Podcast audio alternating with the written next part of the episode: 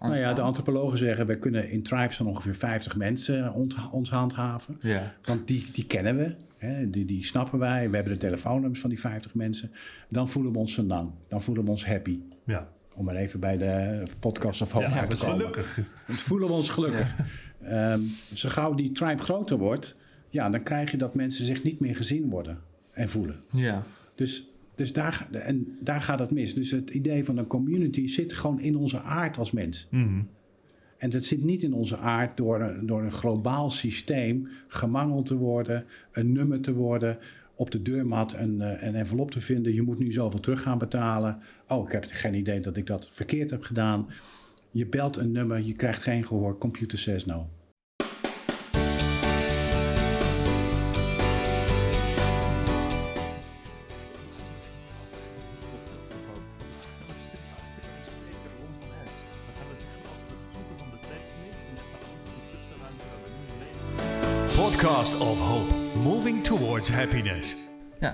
Leuk dat u er bent. Ja, we gaan met onze gast in gesprek over geluk. En we vragen eigenlijk altijd van... is geluk een onderwerp wat je veel bezighoudt in het dagelijks leven? Maar we weten eigenlijk bij u al dat dat volgens mij niet zo is. Je, Oh, maar je. nou, Ik ben wel oud, maar toch graag je. Oké, ik zou het proberen te onthouden. ja, maar ja, want jij zei dat, dat geluk... dat je niet echt houdt van het woord geluk. Nee, omdat het woord geluk, dat impliceert zo alsof je huppelend door het leven moet. Hmm. En als je dat niet doet, dan ben je niet gelukkig en dan ben je mislukt. Ja. Nou, ik geloof meer in het woord welzijn. Ja, want bij geluk zitten verkeerde associaties. Nou, niet verkeerd, maar ja, het is zo'n woord wat een beetje overgehyped is, zo langzamerhand. Eh en ik denk dat heel veel mensen zich daar ook niet echt meer prettig bij voelen bij dat idee dat je gelukkig moet zijn. Nee, dus eigenlijk zouden mensen niet op zoek moeten zijn naar geluk... maar hun welzijn moeten verhogen. Nou ja, kijk, eh, daarom gebruik ik het woord welzijn, omdat welzijn impliceert dat je van binnen eh, meer weet wie je bent. Want daar gaat het over, inzicht krijgen wie je bent. Jij bent student filosofie, dus het gaat over inzicht krijgen wie je bent als mens. De eerste vraag, de belangrijkste vraag, wie ben ik? Daar begonnen de Grieken tenslotte mee. Dus de, de vraag is wie ben ik? Die, dat is een vraag die ons natuurlijk ons leven lang bezighoudt. En als je dat van binnenuit begrijpt, samenvalt met wie je bent in feite, dan ga je dat ook naar buiten eh, eh, in je gedrag vertonen. Dus dat, dat bedoel ik met welzijn. Het welzijn met jezelf. Ja. Ah, oké. Ja, ja, welzijn dekt de lading eigenlijk gewoon beter. Voor mij, ja. Ja. Want, omdat ik denk dat het heel vaak gaat over betekenis willen geven aan je leven. Mhm. Hè, als je mensen spreekt, er zijn maar heel weinig mensen die, daar, die denken, nou ja, het doet er allemaal niet toe. Je wil er toch graag toe doen met alles wat je doet. Lijkt me wel. Met een aantal dingen die je doet. Dus het gaat dan ook over wel- welke betekenis je geeft aan je leven. En dat kan best zijn in je eigen familie, in je eigen kring. En sommige mensen die zeggen, nee, maar ik wil ook betekenis geven aan de planeet aarde. En de impact eh, die het op dit moment heeft. Bijvoorbeeld met klimaatverandering. Hm. Eh, dus ik wil daarmee bezig zijn. Ja, precies. Dus ehm, geluk moeten we eigenlijk vervangen door welzijn en betekenis Ja, geven. je moet voor mij helemaal niks. Nee, nee, Maar, Als jij maar het het je- zeggen had, Ja. ja. maar als jij mij vraagt, eh, waar gaat geluk over? Zeg nou, geluk als woord herken ik niet zo. Ik herken wel het woord welzijn. Ja, oké, ja. Oké, duidelijk. Alleen welzijn dat is natuurlijk ook weer breder, toch? Of, want je hebt ook dingen als ehm, eh, eh, ja, je externe omstandigheden, bijvoorbeeld wa- waar je woont. Nou ja, eh. kijk, Maslow, Abraham Maslow be- bedacht hè, de, de behoeftepiramide. Ja, Hè, dus natuurlijk hebben we allemaal kleding nodig, voedsel nodig enzovoort. En naarmate je de piramide naar boven stijgt, gaat het over zelfverwerkelijking. Hè, daar Mhm. kwam hij op uit. Hè. Als je helemaal bovenin zit, dan begrijp je wie je bent, begrijp je, wat je waarom je hier bent. En begrijp je wat je te doen hebt. En daar zijn we allemaal toch op een bepaalde manier wel mee bezig. Enige alleen is dat ook Maslow later zei, nou ja, ik heb wel die piramide bedacht, maar ik bedoel niet dat je alleen maar kan stijgen op zo'n piramide. Alsof je nooit meer dakloos kunt raken en dus naar beneden valt in die piramide en dat je weer Ja. omhoog moet kruipen. Dus het gaat om het geheel. Natuurlijk heb je je noden en je behoeften, maar als je dat weer bevredigt, dan ga je nadenken, ja, maar wat nu? Wat, wat staat mij te doen? Wat, welke bijdrage lever ik aan deze wereld? ja en en wat stond er nou bovenaan die piramide? Zelfverwerkelijking. Oké, en is dat als het ware, kun je die piramide nog overstijgen? Of is dat, zijn dat eigenlijk al onze behoeftes? Nou, dat weet ik niet. Voor mij is zelfverwerkelijking dat ik ook begrijp niet alleen wie ik ben, maar dat ik ook begrijp in welke relatie ik in met anderen ben. En in, op het moment dat ik in relatie met een ander ben, zul je merken dat er nog een aspect bij komt, namelijk ons verstaan met elkaar. Wij begrijpen elkaar.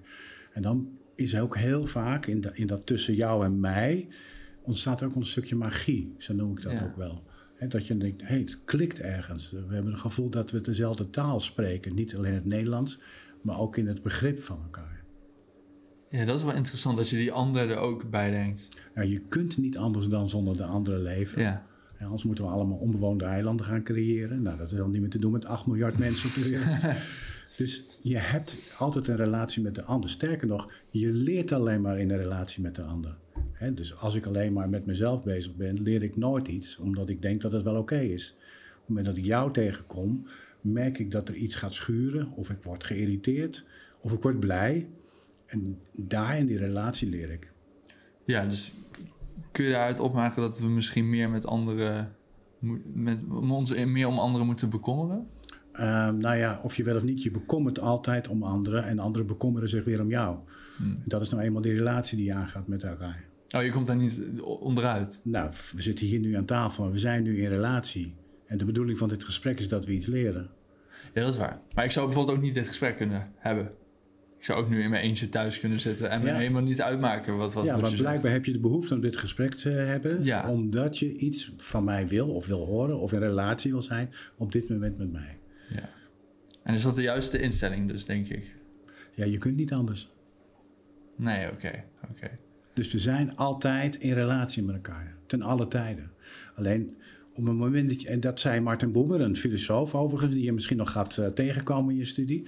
Ehm, filosoof in de eh, vorige eeuw, 1920 ongeveer... Mhm. schreef Ik en Jij, of Ich und Du op zijn Mhm. Duits. En hij zei, in relatie heb je altijd de ik en jij. Op het moment dat ik een het voor jou ben... Ik ben de zoveelste gast in jullie podcastserie...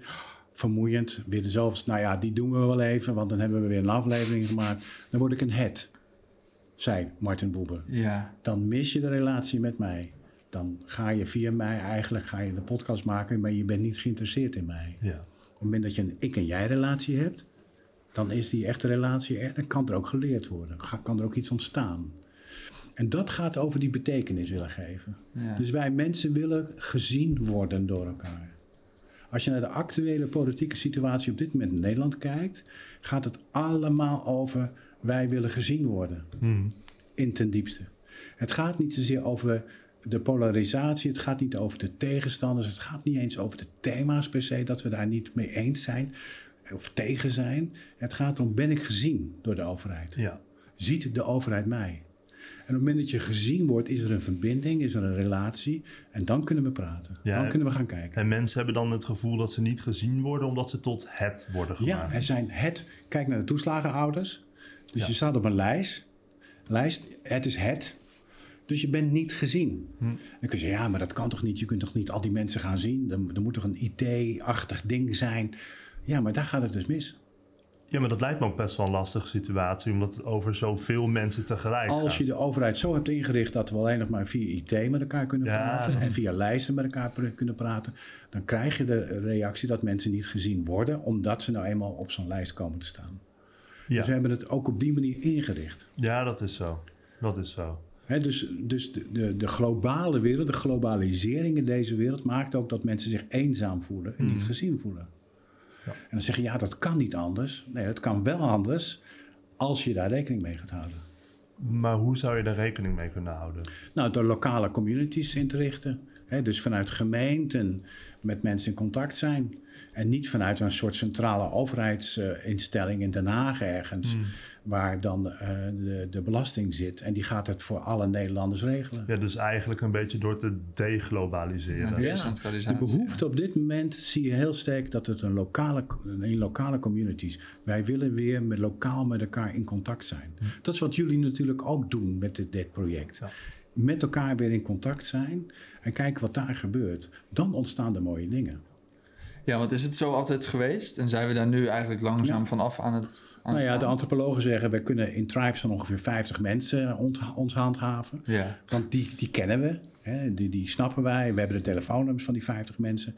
Dan voelen we ons lang. Dan voelen we ons happy. Ja. Om maar even bij de podcast of Ja, uit te komen. gelukkig. Het voelen we ons gelukkig.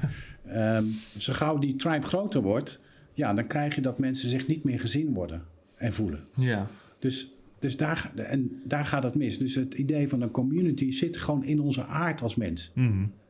En dat zit niet in onze aard door, een- door een globaal systeem gemangeld te worden, een nummer te worden, op de deurmat een, eh, een envelop te vinden. Je moet nu zoveel terug gaan betalen. Oh, ik heb geen idee dat ik dat verkeerd heb gedaan. Je belt een nummer, je krijgt geen gehoor. Computer says no. Ja. Dat is het probleem. Ja, daar kan ik me wel, daar kan ik wel wat in zien. Ja, op die manier afgeschetst klinkt het ook heel dystopisch eigenlijk. Ja, maar dat is natuurlijk het gevoel wat we op dit moment in Nederland, maar misschien ook wel in het westen van de wereld ervaren met elkaar. Mhm. Dat we niet meer eh, verbonden zijn met elkaar en die verbinding ook niet meer voelen. Dus we, voelen- we zijn een het geworden voor elkaar. En dat breekt een community af uiteindelijk. Ja, precies. Ja, ik had dat ook toen ik bijvoorbeeld bij de McDonald's werkte. Dan, dan zei ik van ja, ik voel me eigenlijk meer een nummertje hier. Ja, Ja. Precies, ik voel en dat was je ook wel. Ja, precies. Want dan is- denk je zo van... Als, je, als, je, wordt- als jij weggaat, missen ze je niet. En je hebt niet dat, dat idee Ja. dat je echt aan het bijdragen bent. ja. Ja, nee, maar is daar de sleutel tot betekenis? In, in Nou, het we hebben de behoefte zelf om betekenis, van betekenis te willen zijn. Ja, En dus die behoefte ligt ook in een bedrijf om van betekenis te willen zijn met elkaar. ja, zo'n cultuur van McDonald's. Ik weet niet of je ooit de film hebt gezien, maar dat begint natuurlijk. Hoe, hoe maken we op zo snel mogelijke manier een hamburger klaar? de founder, die film? ja. Ja, ja. Hè, dus, dus, eh, eh, en jij bent dan het volgende nummer in het zoveelste locatie van McDonald's geworden. Je Ja. hebt geen enkele andere inbreng dan zo snel mogelijk die hamburger klaarmaken. En dat systeem is bedacht ergens in Amerika. Nou, dat is niet dat je dan denkt, ik ben hier nu echt van betekenis. Je kunt wel van betekenis zijn op dat moment met je, met je collega's. Mhm, Door in de pauze met ze te zijn, door aandacht voor ze te hebben. Zelfs van betekenis willen zijn met klanten die voor je balie staan. Ja, nee, precies. Daar Ja. kun je de relatie in leggen. Terwijl, ja, een hamburger klaarmaken. Ja, Los even van de hamburger. Ja, nee, precies. En ik, ik kan me natuurlijk ook voorstellen van als ik betekenis zoek in, in mijn werk, zou ik misschien niet bij de McDonald's moeten gaan werken. Nou, dat weet ik niet. Dat, dat, dat weet ik niet. Ik, ik heb daar verder geen oordeel Nee, over. oké, maar ik, ik bedoel dan meer. persoon specifiek. Ja, nee, ik bedoel meer zo van: kun je in elk bedrijf betekenis vinden? Nee. Het heeft ook met de cultuur van een bedrijf te maken natuurlijk. Kijk, als een bedrijf, eh, en dat is denk ik waar, waar we langzamerhand steeds meer naartoe gaan, dat een bedrijf zich realiseert dat een bedrijf er niet alleen is voor zijn eigen medewerkers en of omzet of voor zijn aandeelhouders, maar dat een bedrijf ook een verantwoordelijkheid heeft naar de samenleving. Eh, dan kan zo'n bedrijf van betekenis zijn, ook voor jou als je daar komt werken. Van, ik vind het een bedrijf aantrekkelijk, want ik heb niet alleen een leuke baan, ik verdien niet alleen een leuk salaris, maar dit bedrijf doet er ook toe. Ja, Hè, Dus je ziet steeds meer bedrijven dat begrijpen dat, dat het bedrijf meer is dan het bedrijf alleen. ja. Dus dan zeg zou- als ik het dan anders zou vragen, zou elk bedrijf eh, potentieel ehm, zo'n niveau van betekenis kunnen geven Ja. aan, aan, aan zijn Ja, werknemers? en sommige bedrijven niet. En die gaan ook, eh, die gaan ook weg, die gaan ook ten onder. Die overleven de, die de overleven niet. het niet. Je ziet met name, eh, dat zullen jullie wel meemaken ook na je studie, dat je als je een bedrijf zoekt waar je bij wil gaan werken, dat je een bedrijf gaat zoeken waar je zelf het gevoel hebt dat het bedrijf draagt bij. Ja. En ik heb een bijdrage ook te maken in dat bedrijf. Ja, En dat zie je steeds meer, dat jongeren kiezen voor bedrijven die in die, die maatschappelijke functie begrijpen. En bedrijven die dat niet doen, ja, die, die werven niet meer die jonge mensen. Om dit, die hebben het gevoel, ja, moet ik dan bij deze, dit consultancybedrijf werken die alleen maar geld wil verdienen Ja. voor de eigen partners of de eigen aandeelhouders? Ja, niet aantrekkelijk. Niet aantrekkelijk. Dus, dus jongeren kiezen dan toch een of worden eigen ondernemer, sociaal ondernemen ergens voor, gaan de eigen projecten creëren. Dus die beweging zie ik. Ja, ja, zelfs al betaalt het wat minder, zou ik er alsnog Ja. sneller voor kiezen. Ja. Nou, je ziet de grote onderzoeken ook vanuit Amerika. ADP is een heel groot onderzoeksbureau. Dat heeft eh, wereldwijd mensen gevraagd: wat is nou belangrijk voor je als werknemer? Er komen twee dingen uit: geen flexibele banen meer. Dat is interessant, hè? Omdat we altijd denken dat mensen een flexibele baan Oh, willen. niet. Nee, Oh. omdat werknemers die willen verbondenheid met een bedrijf. Oké. Je bent er dus geen nummer. Hmm. Eh, volgende maand ben je niet meer nodig. Hmm. Eh, dat betekent ook dat een werknemer totaal niet loyaal is aan jou als bedrijf. Ja. Want ja, Je kan de volgende maand wel uitliggen. Waarom zou ik loyaal zijn? Ja, dat is waar. Dus mensen vragen toch wel eh, betrokkenheid, willen, betrok, voelen, willen betrokkenheid en willen ook in hun werk van betekenis zijn. Ja, Nou, als je als bedrijf dat niet kunt garanderen, noem even een Uber. Daar ben je een nummer. ja. Als je niet presteert, lig je eruit. Ja, precies. Want dat wilde ik ook vragen als ZZP'er. Hoe, hoe werkt dat dan voor jou? Want dan ben je in principe alleen. Maar ik kan me ook, ik kan ook voorstellen dat, dat misschien die vrijheid die het met zich meebrengt... ook misschien weer van betekenis kan zijn. is, Nee, kijk, je, die flexibiliteit, dat is ons altijd aangepraat. Dan heb je vrijheid, dan kun je zelf uitmaken waar je wil werken, wat je doet en wanneer je wil werken. Het probleem alleen is dat je totaal geen loya- loyaliteit hebt naar zo'n bedrijf. Ja. Hè, je voelt geen binding. Mhm. Dus heel veel mensen die voelen die binding ook niet en zetten zich ook niet extra in voor zo'n bedrijf. Dus de bedrijven worden, worden wakker wat dat betreft als het gaat over workforce. Wie willen we aan ons verbinden? En niet mensen die eh, of weglopen of niet betrokken zijn. Maar dat vraagt ook van een bedrijf weer een andere houding dan... ik heb je nu nodig en volgende maand kun je, ja, kun je weer gaan. En ehm, zoekt men dan een beetje middenweg tussen? Of wordt dat flexibele werken, gaat dat helemaal weg? Nou, of het helemaal weg gaat, weet ik niet. Het is koffiedik kijken. Maar ik vermoed dat de bedrijven steeds meer eh, eh, zich eh, willen omringen met mensen die vast in dienst zijn. Ja. Kijk, voor de socia- sociale samenhang in, de, in, in Nederland is het ook belangrijk dat we mensen hebben die weer vast werk krijgen. Mhm. Ik kom uit Rotterdam. En in Rotterdam Zuid is, het, is armoede een groot probleem op dit moment. En ook de kinderarmoede daardoor een groot probleem. Eh, en wat je ziet is dat heel veel ouders eh, eh, hebben flexibele baantjes. Worden deze maand wel betrokken bij hun werk, maar weten niet of de volgende maand nog werk is enzovoort. Dat betekent dat die mensen in stress leven. Ja, En daardoor in, vanuit die stress verkeerde beslissingen nemen, schulden gaan opbouwen. Waardoor er weer extra envelop op de deurmat komen te liggen. Waardoor er weer meer stress ontstaat. Waardoor kinderen geen boterhammen mee naar school nemen. Dat je denkt, hoe kan dat nou? Hoe kan je als ouder nou je kind zonder boterhammen naar school sturen? Maar het heeft alles te maken met die stress in deze neoliberale samenleving die gecreëerd is door de afgelopen 10, 12 jaar. ja, ja dus ehm, wat stabieler werk, dat zal ook echt leiden tot een stabielere samenleving. Ja, door- überhaupt. Ja, ehm, dat je weer mensen hebt die, die ook trots kunnen zijn op hun baan. Nou, Ja. Ik werk daar en daar en ik, eh, ja, dit is mijn werkgever. En ik, ik, ik werk ervoor en ik heb eh, baanzekerheid, ik heb inkomenszekerheid. Ja, want was Maar- dit vroeger meer? Absoluut, Ja. ja. Die flexibiliteit is echt gekomen in de jaren 80. Daar begon het vooral. En daarna, eh, jaren 90, begin jaren 2000, ook in Nederland met het neoliberale beleid. Bedrijven komen hier, gebruiken werknemers, gebruiken arbeidskrachten. ja. En dumpen ze weer wanneer het hen eh, uitkomt.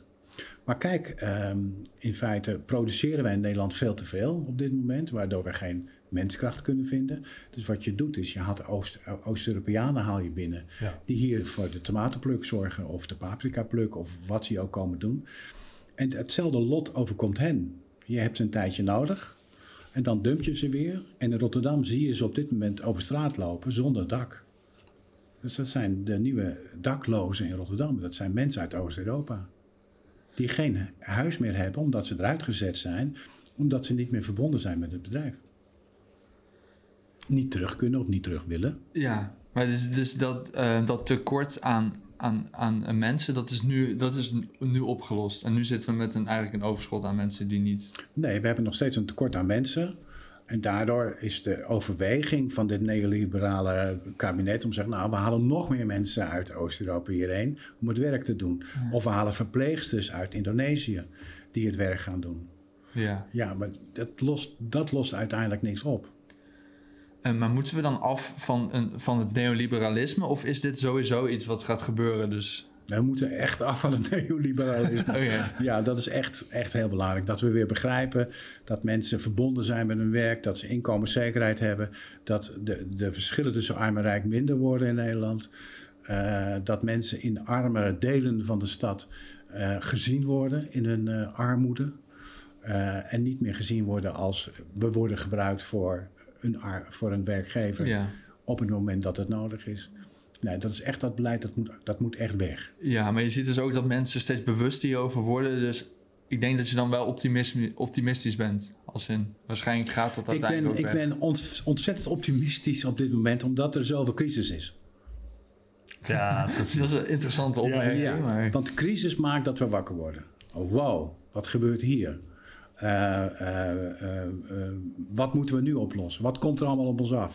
Op het moment dat het wel goed gaat en ook die middengroepen die hebben hun inkomen wel geregeld. En ja. het zijn de arme mensen, maar ik ken er niet zoveel. Het zal wel meevallen. Toeslagenhouders, ja, ik ken niemand in mijn familie enzovoort.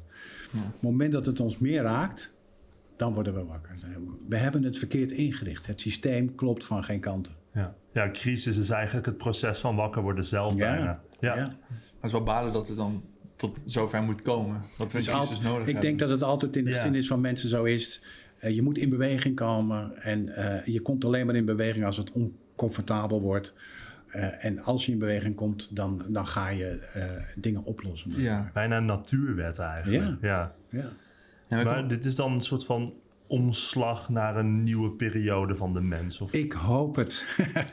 ja. Ik hoop het. Kijk, eh, je ziet dat eh, eh, de klimaatcrisis komt op ons af. Hoe gaan we daarmee om? Dus we zullen ont- op, op een bepaald moment na moeten gaan denken... hoe gaan we dit regelen? Hoe gaan we het fixen? Is het nog te fixen? En als het te fixen is, hoe gaan we het dan doen met elkaar? Dus niet op de ingeslagen wegen doorgaan. Dat is maar één voorbeeld. Ik weet niet meer wat jouw vraag is. Ja, of, eh, ja, ik denk dat, dat je het had over die transitieperiode, toch? Want ja. volgens jou, als ik het goed heb, zitten we in een tussenruimte. Ja, Ja, eh, Ja, maar ja, dat is wel een leuke term. Hè? Eh, de tussenruimtes, eh, eh, de liminale periode, is dat ook wel genoemd door Arnold van Gennep, antropoloog. Die, die onderzocht oudere volkeren. En die kennen drie fases. De fase van het begrip dat je los moet laten om naar een nieuwe fase te komen. Ja. Dan in die tussenfase, of die tussenruimte die ik dan zo noem, de chaos. Wow, wat gebeurt ons? We, we, we zijn niet meer zeker. Eh, systemen kloppen niet meer. Komen in beweging. Eh, wat gaat er nog eigenlijk goed? Nou, noem maar op. Om uiteindelijk in een nieuwe fase terecht te komen. Waar we naartoe eh, gaan en waar we naar verlangen. Nou, die tussenruimte waar we nu in zin, zitten... heeft te maken met dat we elkaar dus blijkbaar niet goed gezien hebben al die tijd. Of al die tijd, al die 20 jaar. Nou, neem 20, 30 jaar.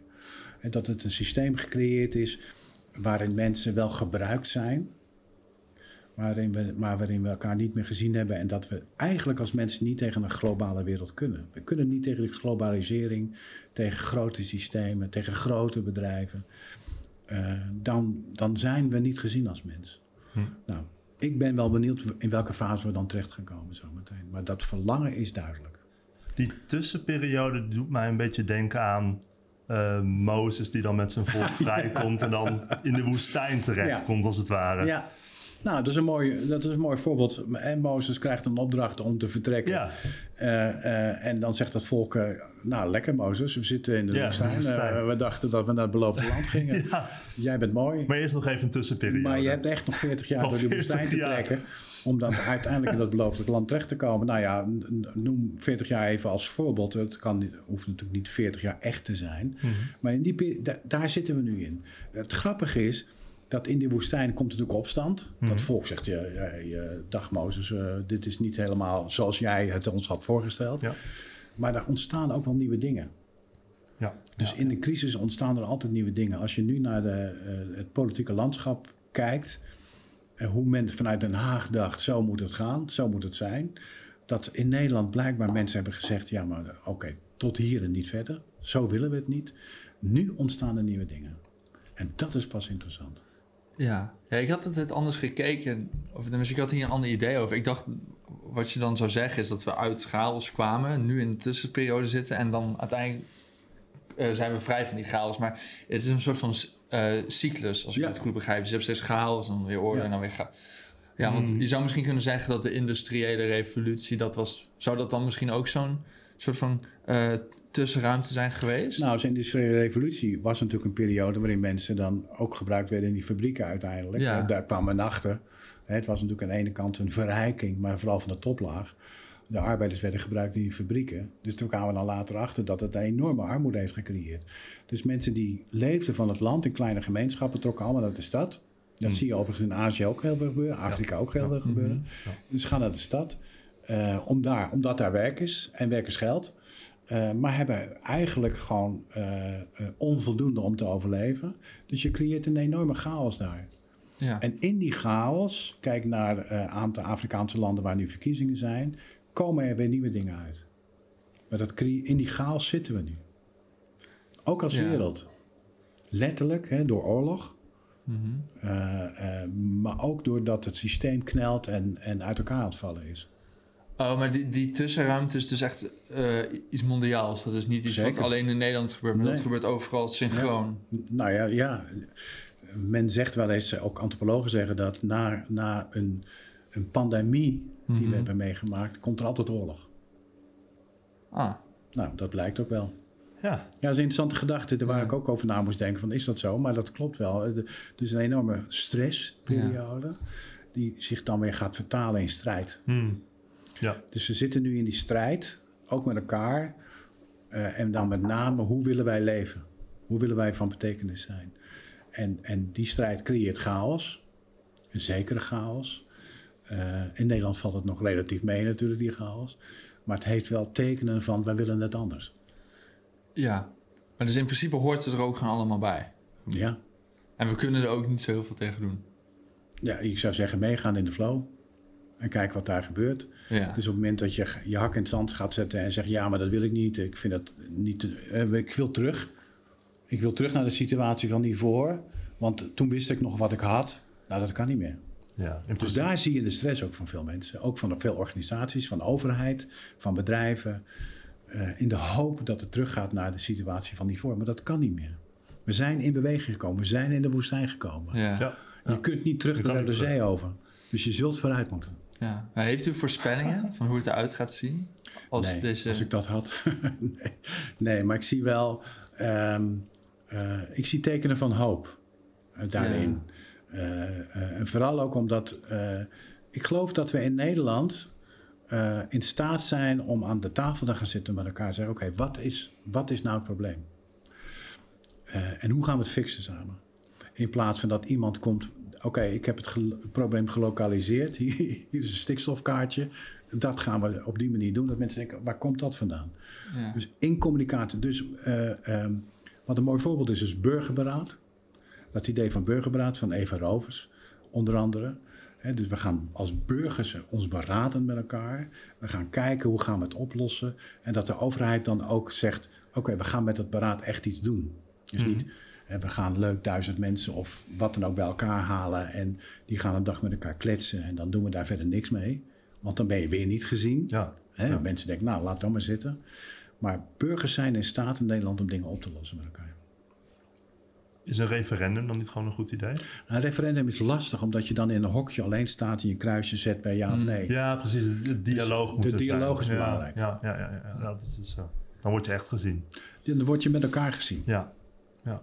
Ja, ik, vind- ik vind het op zich wel interessant. want Het, het voelt bijna als iets, iets eh, passiefs, deze, deze soort van transitie waar we in zitten.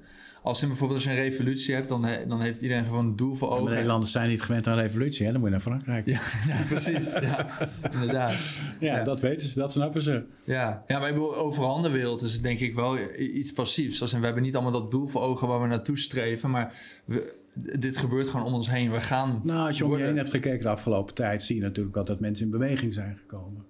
Eh, eh, noem alleen al de boeren, hoe die in beweging zijn gekomen. Wat je daarvan ook van mag vinden. Maar daar zit beweging. En dat heeft zich nu vertaald in een politieke uitslag. Eh, dus er zit wel. De, en als je de onderstroom begrijpt. Het is wel interessant. In die onderstroom gebeurt er eigenlijk heel veel. Eh, eh, ge- gebeurt er heel veel in de zin van. eh, we willen niet in beweging komen, dat is interessant. Maar er zijn ontzettend veel projecten. er zijn ontzettend veel ondernemers. er zijn ontzettend veel sociale bewegingen in die onderstroom. Echt heel veel. Die het nieuws niet halen. Dus heel veel mensen weten niet van, van die duizenden projecten die er bezig zijn. Ja. Maar als je die bij elkaar optelt, heb je een, een beweging van groot formaat. Dus in die onderstroom gebeurt er veel. Dat kan in je lokale straat zijn, waar bewoners ineens energietransitie met elkaar gaan organiseren met zonnepanelen op het dak. Dat kan zijn dat de buurt zich gaat ontfermen over mensen die het niet redden. In buurtcafés of wat dan ook. Het kan zijn dat eh, jongeren elkaar weer gaan vinden onder begeleiding van onderwijs. hey, we, we, we, vallen nu buiten de boot, maar hoe krijgen we die jongeren weer binnenboord? Ontzettend veel uh, projecten zijn er. En dat maakt me ook wel hoopvol. Ja. Uiteindelijk zijn we uh, wel dat is echt mijn mening, zijn we in staat om de dingen op te lossen met elkaar op een goede manier. Ja, dus e-, even een beetje samengevat. Ehm, we zitten dus nu eigenlijk in een, of ja, misschien nu niet meer, maar we komen uit een best wel betekenisloze tijd. Uh, en we streven nu als het ware of ja, we gaan nu langzaam toe naar een tijd waar een betekenis in, in, in het bedrijfsleven en ook in het politieke leven bovenaan staat. Ik denk, denk niet helemaal correct wat je zegt. Het is niet een betekenisloze tijd. Het is een periode waarin we veel aandacht hebben besteed aan ons eigen inkomen. Mhm. Besteed hebben aan uh, consumptie. Mhm.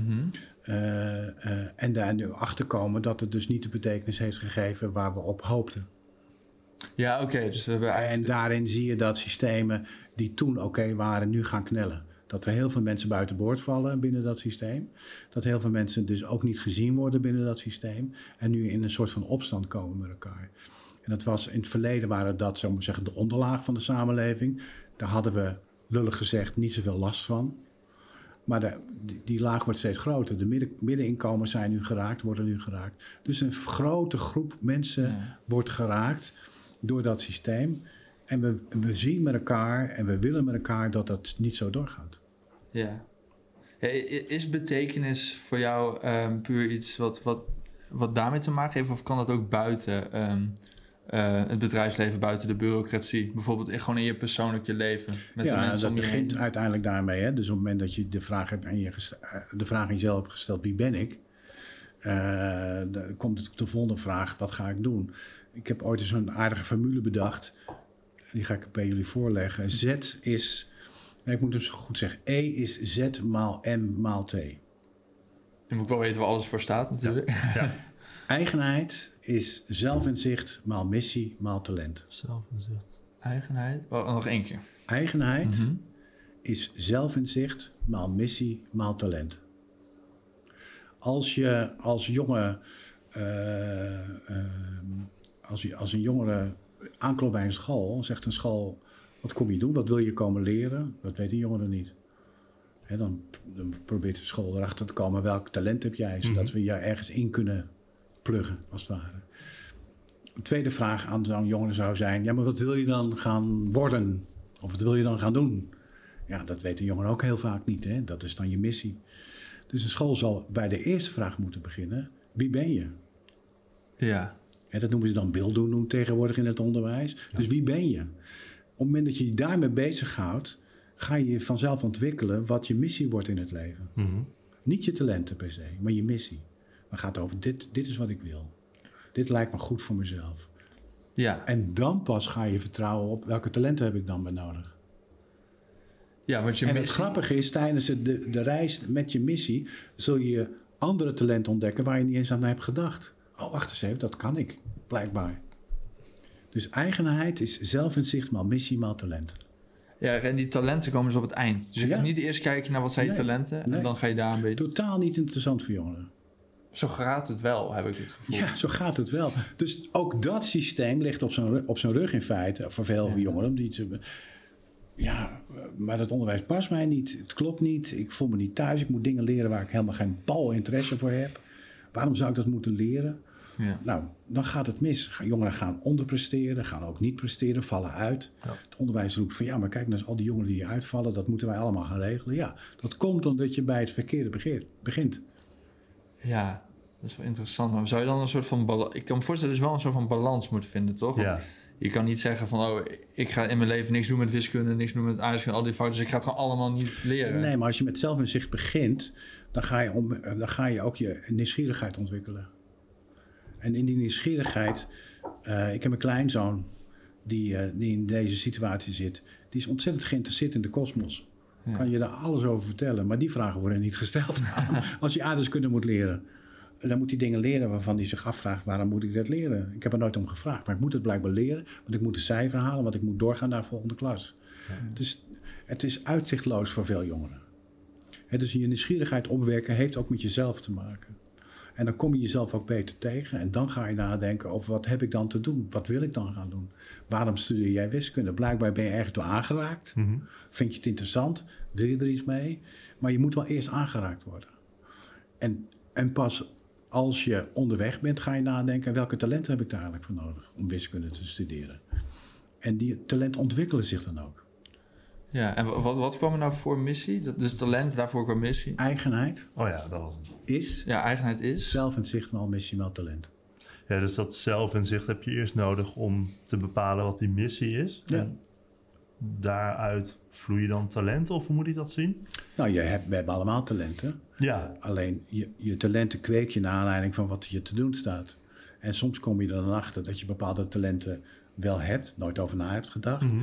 Die kunnen dan op dat moment goed uitkomen. Want- maar die ontwikkelen zich naarmate jij met je missie bezig bent. ja want eh, het lijkt mij juist handig om dus die, ehm, die, dat zelfinzicht en dan in te zien welke talenten je hebt en daarop een beetje aan te sturen wat je missie zou moeten zijn. Ja, maar als je missieloos bent in het leven. Dan Mozes had achter- een missie. Dan kom je niet achter je talenten. Hè? Dus, dus hij had goed een missie punt, en ja. ontdekte in die missie... ik heb dus deze talenten om een hele groep mensen mee te nemen. Ja, ja, Blijkbaar. ja. Wist hij ook niet, want Mozes stotterde, zoals je mogelijk weet in het. Bijbelverhaal. Dus Mozes wist, hè, die, die dacht dat gaat mij nooit lukken. Het lukte hem dus uiteindelijk wel. ja, ja, ja, het lijkt me nog wel best wel heel erg lastig om erachter te komen wat, wat je missie is. En helemaal dat stapje daarvoor. Ja, het is niet zo dat je zegt, nou, ik heb nu eh, mijn hele missie voor mijn hele leven bedacht. Maar je hebt hier al een richting bepaald. Ja. ja ik, Oh, dat is genoeg een richting. Nou, ik weet niet wat voor jou genoeg is, maar ik kan me voorstellen dat een richting fijn is. Ja, minstens toch? Ja. ja. ja, maar ik merk bij mezelf dat dat ook wel heel vaak verandert. Dat ene moment dan ben Tuurlijk. ik heel erg gedreven door dit, maar dan... Misschien is er ook iets aan mij dan, maar dan opeens Nee, dat is herkenbaar hoor. Ja, Ja, maar je ziet wel dat je een bepaalde, eh, een bepaalde richting uitgaat. En, en wat uiteindelijk Ja. je uiteindelijke doel wordt, of die stip op de horizon, daar geloof ik ook niet zo in. Eh, maar dat je wel een richting krijgt uiteindelijk. Maar je Ja. moet aangezet worden tot die richting. ja, en ik denk misschien ook inderdaad dat het belangrijk is dat je überhaupt naar voren beweegt. En dat je niet stil blijft staan. Dus nou, dat je gewoon de juiste richting op Nou, dan gaat. ben je nu in een goede tussenruimtetijd. En we gaan met z'n allen naar voren. Ja. Ja, maar is het dan als we uiteindelijk in die, in die periode van orde zijn, dan staan we dan stil? Dan gaan we ook nog wel ergens Nee, want ik kwam, ik, eh, eh, grappig, ik sprak een antropoloog onlangs die zei: Ja, maar eh, jij hebt het over die eerste fase loslaten, tweede fase chaos en de derde fase van ja, dat wat je wilt zijn met elkaar. Maar misschien is het helemaal niet bedoeld voor ons als mens. Misschien moeten we dan weer van vooraf aan beginnen. Je Ja. zal nooit een, tot een stilstand komen. Ja, dat zie je eigenlijk altijd wel. Want niets houdt echt stand qua Nee. hoe een samenleving Nee, is dus er zit altijd continu Ja. beweging in. Maar waar het nu vandaag de dag over gaat, is dat we niet eh, en terecht tevreden zijn met hoe we het eh, bedacht hebben of hoe het bedacht is voor ons als mens in, Ja. in het systeem Nederland. Er wordt wel eens door sommige mensen BV Nederland genoemd. Dus je bent onderdeel van een bedrijf geworden, zonder dat je het regen had. Dat is een politieke partij ook. Maar kijk naar het onderwijs, het is ook een bedrijf geworden. Kijk naar de zorg, het is een bedrijf geworden. Kijk naar de sociale eh, eh, zaken, het is een bedrijf geworden. Belastingdienst is een bedrijf op zich. Dus we zijn in bedrijven gaan denken. Ja. En waar we nu, waar we nu eh, naar op zoek zijn is... we willen niet meer een onderdeel zijn van een bedrijf. We willen een onderdeel zijn van een gemeenschap. Nou, dat weet ik andersom, niet. Of bedrijven gemeenschappen worden gemeenschappen worden. Gemeenschappen worden bedrijven? Nou, nee, dat is wat het nu is. Ja, oké, maar dat, eh, uiteindelijk wat er dus gaat gebeuren. Bedrijven gaan gemeenschappen worden. Nou, kijk naar, naar een thema als de zorg. Ja. De ziekenhuizen zijn bedrijven geworden. Ja. Ja, de vrije markt heeft eh, de grip gekregen, eh, grip gekregen op de ziekenhuizen. Dus dit wordt als een bedrijf gerund. Waar komt de zorg vandaan? De zorg komt vanuit nonnen die patiënten, kijk naar Florence Nightingale overigens, eh, als, als typisch voorbeeld, die patiënten behandelden. Daar is geen enkele vrije markt bij gebaat geweest. Er zit geen enkele marktgedachte achter. Ga nog verder terug en je had de shamaan als het ware. Bijvoorbeeld. Ja. Of eh, in China, waarin de dokter betaald wordt voor een lege wachtkamer in plaats van een volle wachtkamer. Ja. Want dan doe je het goed als dokter. Vind ik een hele Ja. eh, goede gedachte. Maar wij hebben eh, eh, een ziekenhuis bepaald als een bedrijf. Mhm.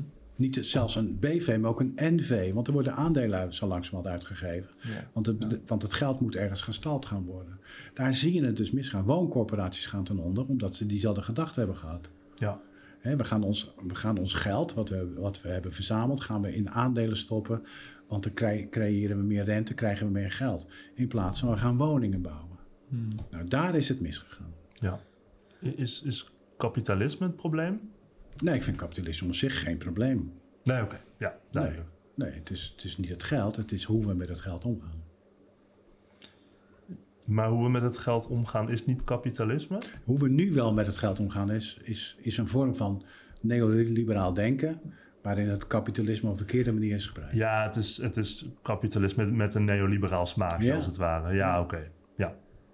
Ja, nou om het toch een beetje terug te brengen op geluk. Ik, Ja. ik, vraag me dan af, als we uiteindelijk die betekenis kunnen vinden in ons hele leven. ehm, als, iedereen, als iedereen dat heeft, zijn dan bijvoorbeeld eh, podcasts zoals deze niet meer nodig? Dat is onze betekenis. dan hebben wij, geen betekenis meer. ja. Nee, Nou ja. is dan de zoektocht naar geluk eh, eh, klaar, om het maar even zo te zeggen? Nee, ik geloof dat onze zoektocht als mens nooit klaar is.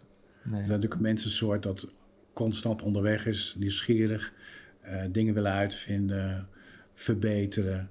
Mijn hoop is, maar dat is op een, dat is op een wat, hoger niveau gedacht, is dat we in staat zijn eh, mensen te worden met elkaar zonder elkaar te veroordelen. Hmm.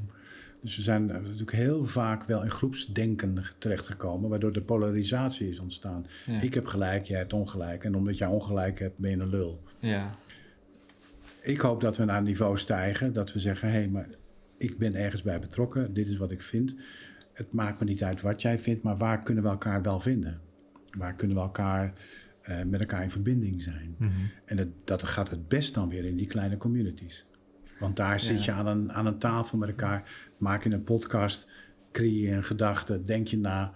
Dat suddert weer ook weer na in je hoofd. En, en zo ontstaat Ja. er iets nieuws in feite. Ja, ja, want je kent iedereen, dus het is heel lastig om elkaar te dehumaniseren eigenlijk. En Ja, elkaar gewoon ook- weg ja. te zetten voor gek. Ja. Maar we moeten dan ook weer niet groepsdenken. Dus, dus we moeten soort van terug in groepen, maar we moeten niet de andere groepen als nee, nou ja, dat is natuurlijk wat er in de geschiedenis heel vaak gebeurd is. Hè? Dat je dan zegt, oh ja, dan gaan we groepen. En dan, maar ja, goed, dan gaan we natuurlijk tegen, ons tegen de andere groepen afzetten. Ja, Mijn hoop is dat we van in, vanuit die bewustwording wie we zijn als mens... dat we dat mogelijk op een bepaald moment achter ons zouden kunnen laten. ja. Is, is dat niet een beetje mens-eigen om te doen? En misschien, Het is- zelfs wel, misschien zelfs wel dier-eigen. Dat, dat nou ja, het is daar nog mens aan eigen over om je af te zetten inderdaad... en ook af te zetten tegen anderen. Maar dat is dus wat ik zeg, in die bewustwording wie we zijn met elkaar... eh, of dat hogere bewustzijn in feite wat je dan creëert met elkaar... gehouden. dat we dat achter ons gaan laten een keer. Mhm. Dat is mijn hoop. Ja. Ja, ja. ja, en ik vind het ook mens eigen om, om die dingen te overstijgen. Om dingen te overstijgen die worden gelabeld En als dat is, mens men, eigen. dat is mens-eigen. Ja, het is een Ja. beetje paradox misschien. Nee, het overstijgen is mens-eigen en het groepsdenken is dier-eigen. Ja, precies. ja, precies. Ja, nou, we zijn een beetje aan het einde van de aflevering gekomen. We vragen altijd onze gasten om een voorwerp mee te nemen. Ik weet niet of je een voorwerp Ja, mee hebt. Ik Oké, heb iets, gelukkig. iets bij me, ja. Kijk. Want ik kreeg die opdracht. Ik heb dit bij me. Een steentje? Dit is een steentje. Dit steentje heb ik opgeraapt eh, eh, op het eiland Ithaca in Griekenland. Mm. Ithaca is eh, bekend van eh Odysseus. Ja. Koning Odysseus, eh, koning van dat eiland. Die werd op een dag opgehaald door zijn medekoningen... omdat er weer eens een vrouw geschaakt was. In dit geval door eh, de prins van Troje. Dus er moest weer strijd geleverd worden. Dus de, de Grieken trokken te strijden tegen de Trojanen. Eh, en eh, ehm, dan hebben ze, trekken ze dus naar de stad Troje... die overigens nu in Turkije ligt, voor het begrip. Dat duurt tien jaar. Die liggen tien jaar voor de poorten van Troje... en het lukt ze niet om binnen te komen. Totdat Odysseus uiteindelijk een list bedenkt.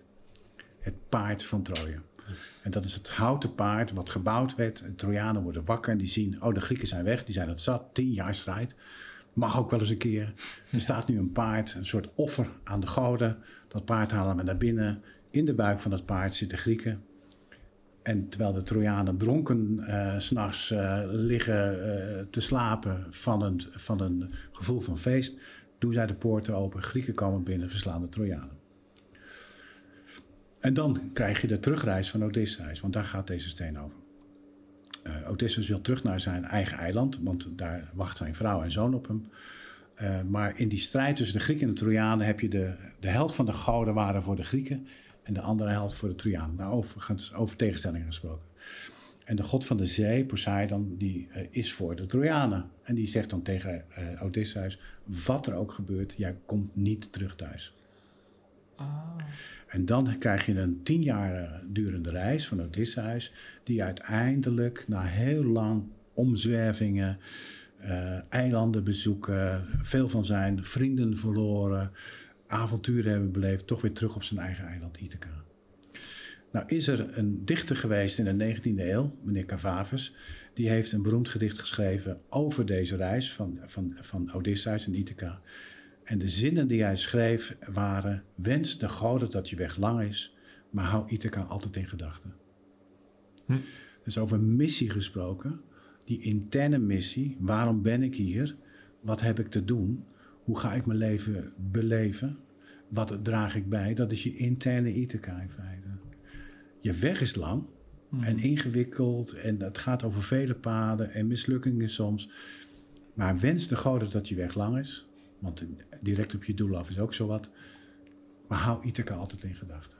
Nou, deze steen heb ik opgeraapt van dat eiland en ik heb een jongerenproject gecreëerd, gemaakt met een aantal mensen in Rotterdam.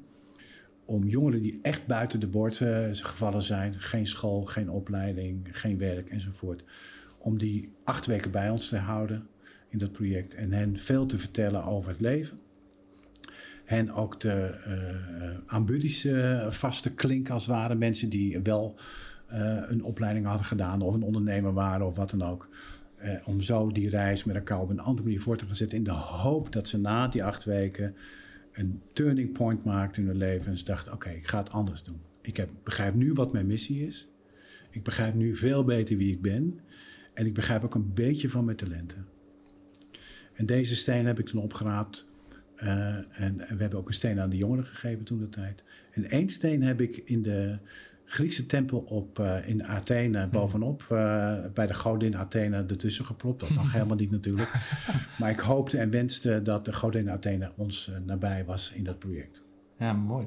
Die steen laat ik achter bij jullie. Oh, super joh. Voor jullie trofeeënkast. En ja. wie weet voor anderen om te bewonderen. Maar dit is het verhaal van ons als mensen. Mooi. Omdat we altijd onderweg zijn en in het onderweg zijn ons altijd afvragen: wat heb ik te doen? Waar kom ik vandaan? Waar ga ik er naartoe? En uh, uh, in dat onderweg zijn uiteindelijk ook begrijpen wat je doel is. Ja, Prachtig. nou heel mooi. Ja. Nou, heel erg bedankt dat je langs bent ja, gekomen. heel erg bedankt. Graag gedaan. Leuk dat je hebt gekeken of geluisterd naar deze aflevering van de Podcast of Hoop. We hopen dat je ervan hebt genoten of misschien zelfs geïnspireerd door bent geraakt.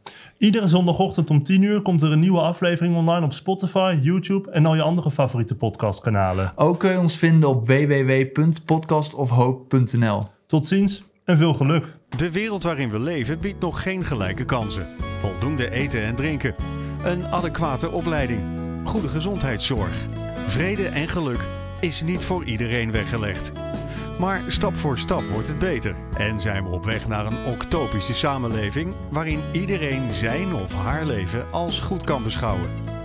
Het is een lange reis, maar we zijn op weg. Podcast of Hope. Moving towards happiness.